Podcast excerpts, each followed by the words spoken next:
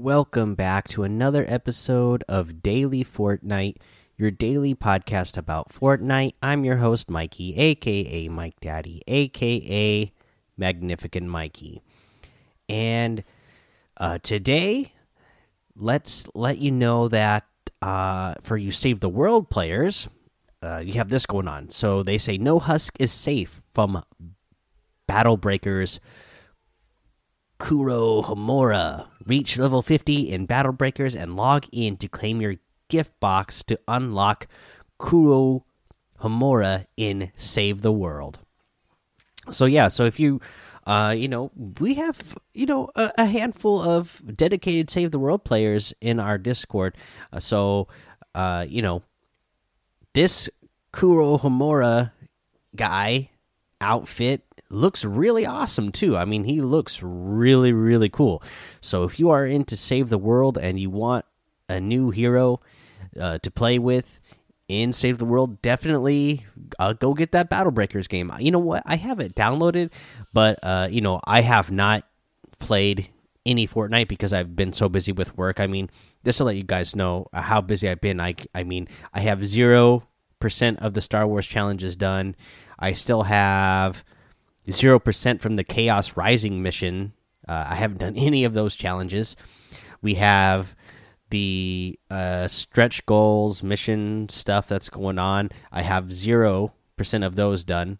Uh, so that's how much uh, or how little I've been playing uh, Fortnite while I've been, you know, working insane hours at at work uh, right now.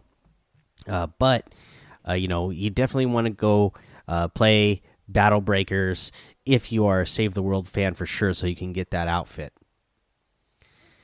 Uh, let's see here. The other bit of news that we have going on if you are, you know, somebody who likes to play those featured games in the creative mode, right now there's a problem with the featured island portals not working. Uh, they've been having issues with that. So if you're trying to get into one of those games and having issues, just be aware of that. So uh, hopefully they'll get that fixed soon. That way you can easily get into those featured games uh, without any problems. Uh, for a challenge tip, guys, I mean, uh, again, you know, we don't really have any new challenges, so I'll just remind you to get those challenges done. The Star Wars challenges we have six and a half days left right now as of this recording, so go get those done so you can get those free items. All right, guys, I'm going to take my break here. We'll come back and go over that item shop and our tip of the day. All right, let's look at this item shop, and they recently uh, added a style for this and i told you guys because when i opened up my game it was gifted to me since i already own this item. But the doggo outfit is back in the item shop back with the new selectable style for the holiday where he's wearing that uh you know santa hoodie. Looks pretty awesome like that if you ask me. Uh, we also have the holiday ham harvesting tool in the item shop now Hit 'em with ham. This is part of the Grumble Gang set. This thing looks so good. As in, like, I mean, it looks good. Like, I want to eat it. Like, oh man, I cannot wait for Christmas Day so I can have a nice holiday ham like this one. Mm -mm -mm. And we have the holiday hydrant back bling relief wrapped in a bow. So, uh, yeah, I guess this would be good for any dog that they can just uh, have their uh, their their their bathroom on the go with them. Uh, we have the uh, Stoneheart outfit back in the item shop. I've always loved this one. The Cupid's dagger harvesting tool. We have the um, Dream outfit, which I love. The Luminos outfit. The Astral axe harvesting tool, which is really cool. The Shard break wrap and the Arcana glider. You have the Circuit breaker outfit the glitter emote, the outcast outfit, the windmill floss emote, the flappy flyer glider, and the true love emote. Uh, guys, there's no Star Wars items in the item shop today. I'm surprised that they took them out already. I mean, it's still like Star Wars week and everything. So, uh, you know, I I assume that they'll come back if you didn't get a chance to get them yet. But uh, yeah, they're gone for now. So yeah, hopefully they come back.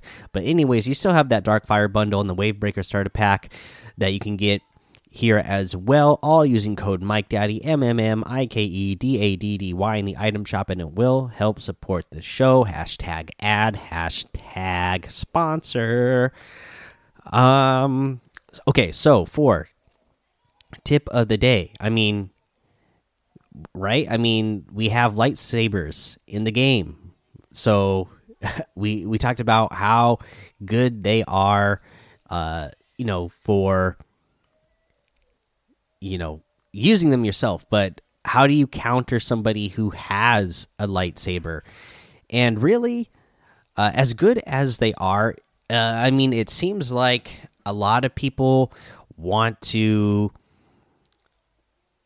you know get up and close personal real as fast as they can obviously uh, but the problem is a lot of people aren't doing the evade very good i mean if you're if you're using that lightsaber right if you swing and you miss, then you go right back to blocking and then evading again so the person doesn't hit you. But I notice a lot of people just start swinging like wild.